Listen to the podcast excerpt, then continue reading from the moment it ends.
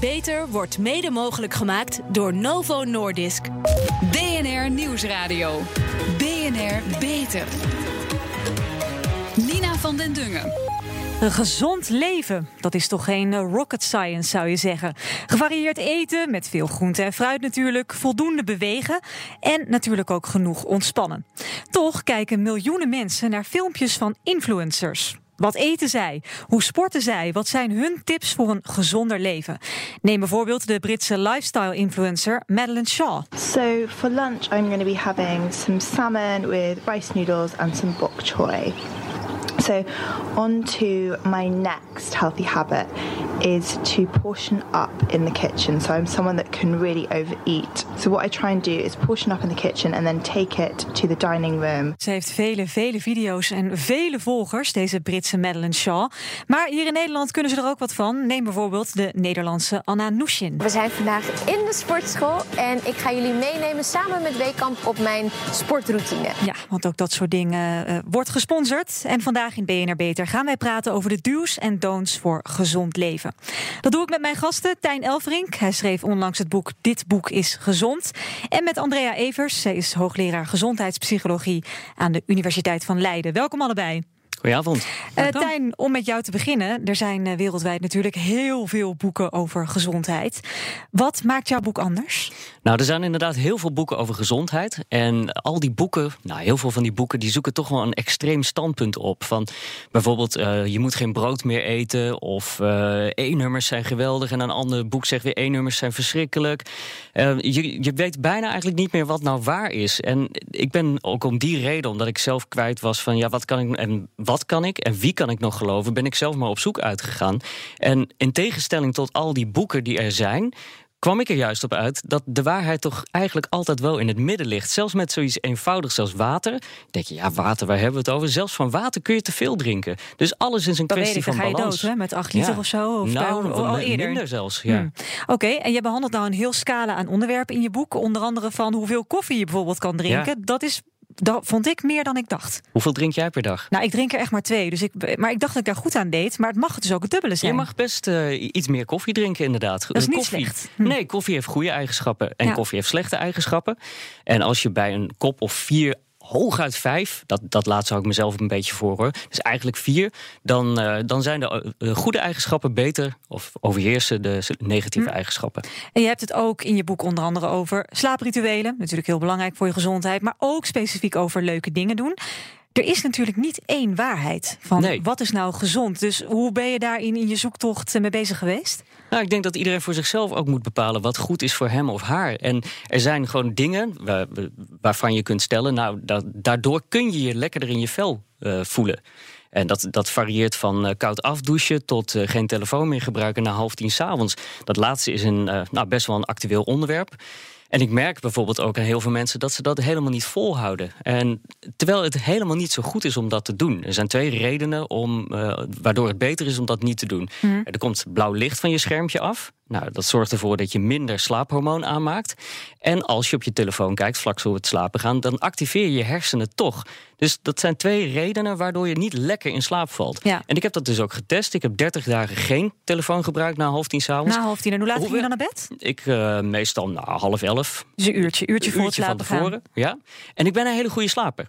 En Ja. ik dacht, nou, ik ga dat ex- experiment toch doen. Ik zie wel wat eruit komt. Ik sliep dus wel beter. Maar op, als je al een goede slaper bent, hoe kan je dan nog voelde beter me toch slapen? beter uitgerust, eh, energieker de volgende dag. Maar ik heb- moet ook eerlijk zeggen, na die 30 dagen, ik hou het niet vol. Want de verleiding om toch nog even het laatste nieuws te checken, om toch dat appje te beantwoorden, is toch wel heel groot. Wat gek, want dan is de, de verslaving is dus groter dan eh, jouw wil om, om lekkerder te slapen en uitgerust wakker te worden. Ik weet inderdaad dat ik het niet moet doen en dat het beter is om het niet te doen.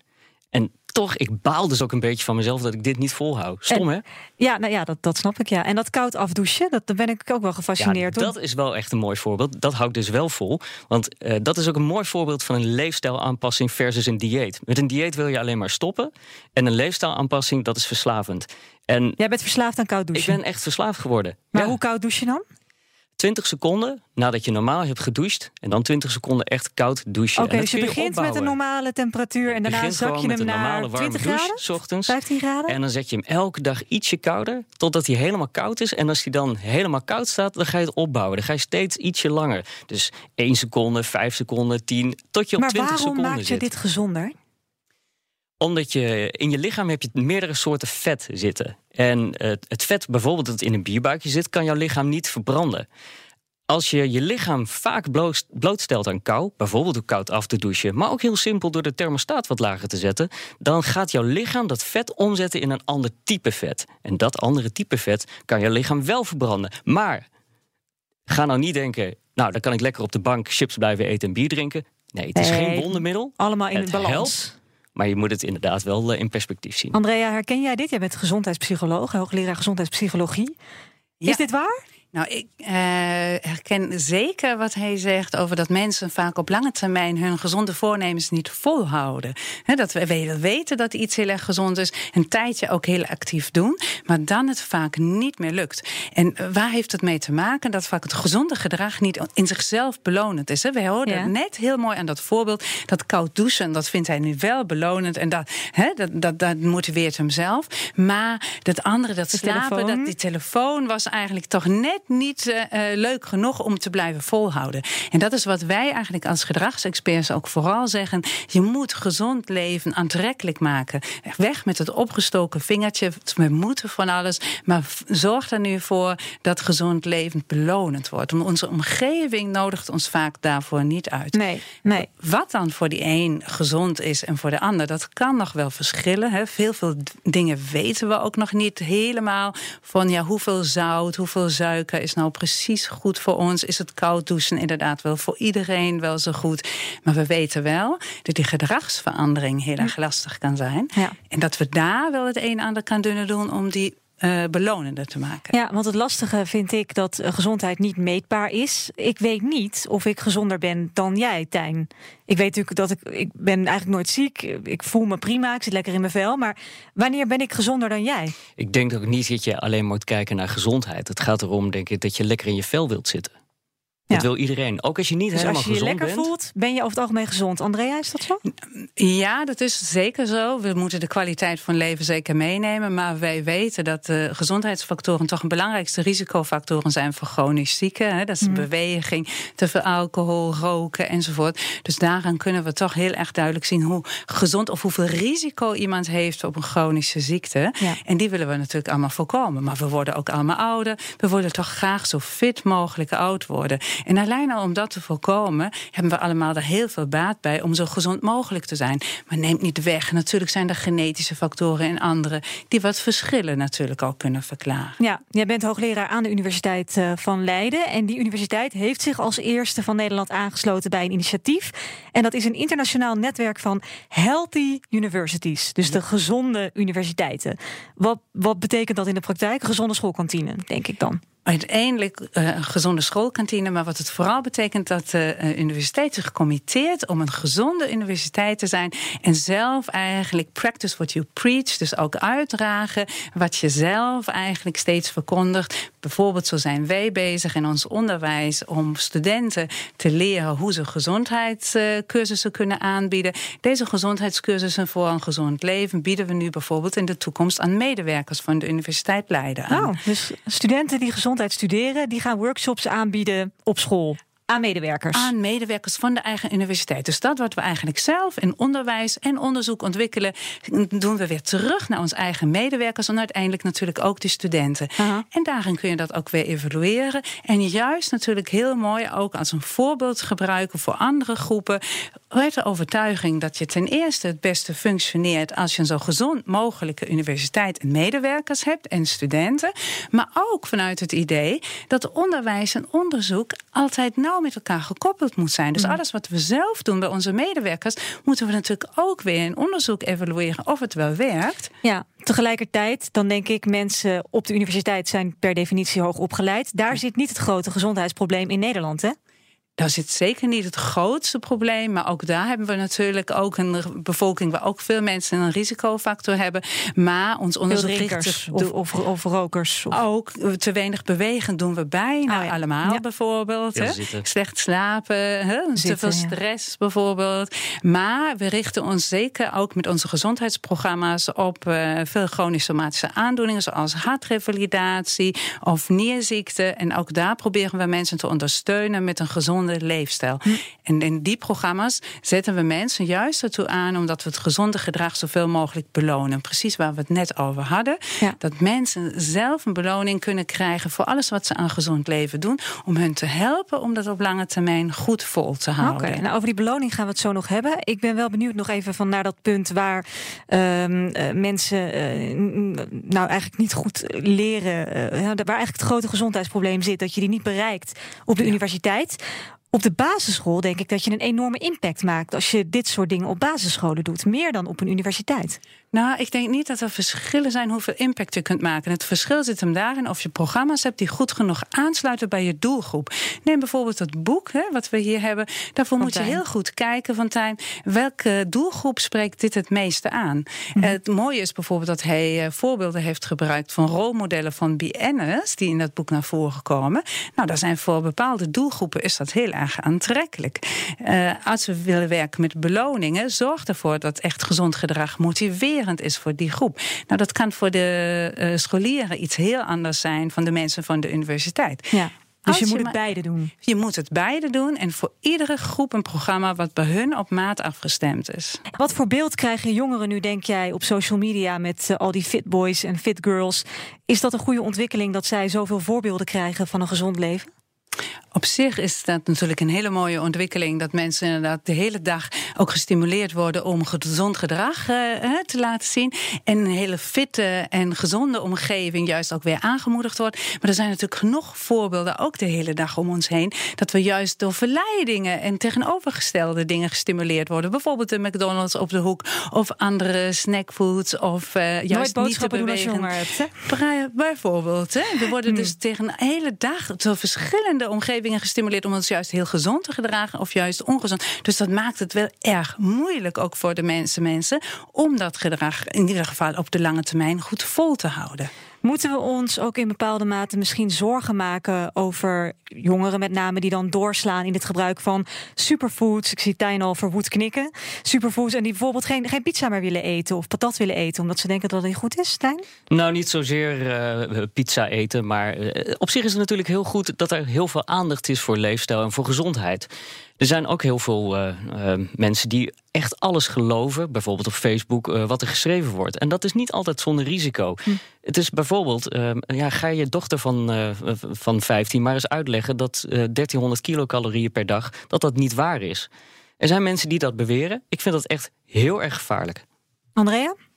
Um, daar kunnen zeker hele negatieve consequenties aan verbonden zijn. Het belangrijkste is ook dat je vooral altijd iets doet wat je op lange termijn goed kunt volhouden. Hè? We noemen het altijd een leefstijlverandering in plaats van zomaar een dieet volgen. Dus het moet vooral iets zijn wat in het leven van mensen past. En wat natuurlijk op zich geen negatieve consequenties heeft, maar wat mensen zelf ook leuk vinden.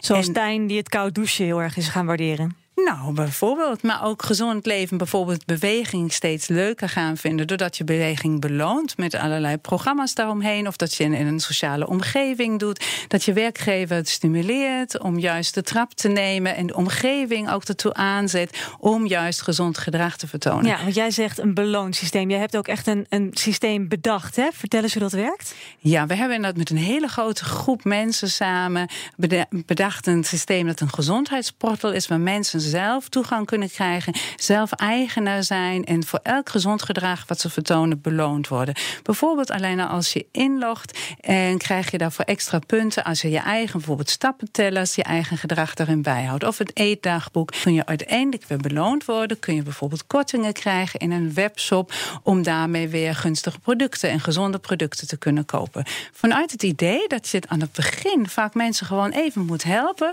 om extra moet stimuleren om gezond te leven. Maar zie ik het dan uh, voor me als een, een soort online gezondheidsdagboek... waarin ik alles bijhoud wat ik doe.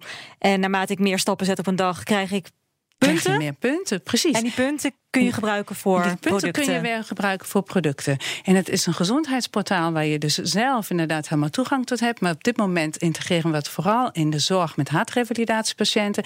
Dat betekent dat dan ook de huisarts of de specialisten ook toegang toe kan hebben. En juist daarin kunt samen aan je gezonde leefstijl werken. En ook daarvoor kun je weer extra punten krijgen. Ja. Bijvoorbeeld bij je huisarts te komen, een stappenteller te gebruiken, je bloeddruk te meten, eh, eetdagboek bij te houden. Maar ik kan dat nu nog niet. Het is nu alleen voor mensen met eh, hart- en vaatziekten. Dus Ja. het is een proef die nu loopt. Nou, op dit moment is dat, hebben we een grote subsidie gekregen vanuit de Hartstichting en eh ZonMW. Om dit inderdaad bij hart- en vaatpatiënten juist breed uit te rollen. Een nationaal consortium.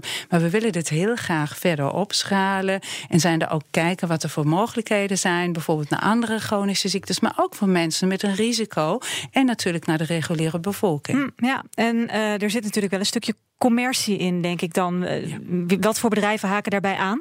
Nou, eigenlijk zien we dat alle bedrijven heel erg geïnteresseerd zijn om hieraan mee te doen. Want ten eerste is het natuurlijk ook een positief imago waar ze geïnteresseerd in zijn. Maar natuurlijk ook een brede doelgroep waar ze heel graag inderdaad aan mee willen werken. Maar zijn het dan sportwinkels die willen meedoen? Bijvoorbeeld sportwinkels, maar het kunnen ook bijvoorbeeld kortingen van de NS zijn. Nou, die zitten er nu nog niet in. Maar, Maar dat kan hè, wel. Ja, precies. Het kan eigenlijk alle soorten. En dan moet natuurlijk goed gekeken worden dat het natuurlijk gezonde producten zijn. Daar kijkt dan weer een onafhankelijke gebruikerscommissie. Kijkt dan inderdaad weer. Dus dat wordt bewaakt. Dat wordt Wat natuurlijk eh, heel erg goed bewaakt. Ik krijg geen korting bij de smullers eh, op het station. Bij wijze van. Nee, die zitten daar inderdaad niet in. En daar moet je natuurlijk heel goed naar kijken. En we noemen het eigenlijk een ecosysteem wat je aan het bouwen bent. Dat je hele omgeving eigenlijk zoveel mogelijk gestimuleerd wordt om gezond gedrag te belonen.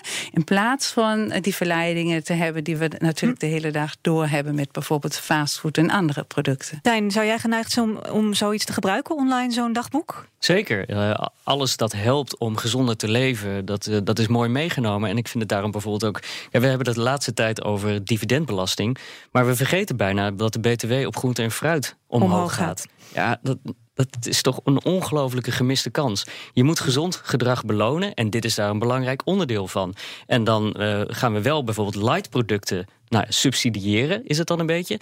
Maar eh, volgens mij gaan we daar aan iets heel belangrijks voorbij: dat light producten gezond zijn. Light producten zijn niet gezond. Nee. Ik wil niet zeggen dat ze ongezond zijn, maar ze zijn niet per definitie gezonder dan gewone producten. Het gaat bijvoorbeeld ja. om suikervervangers, maar hetzelfde geldt voor eh, vleesvervangers. We denken met z'n allen, oh, vleesvervangers die zijn, die zijn vast gezonder.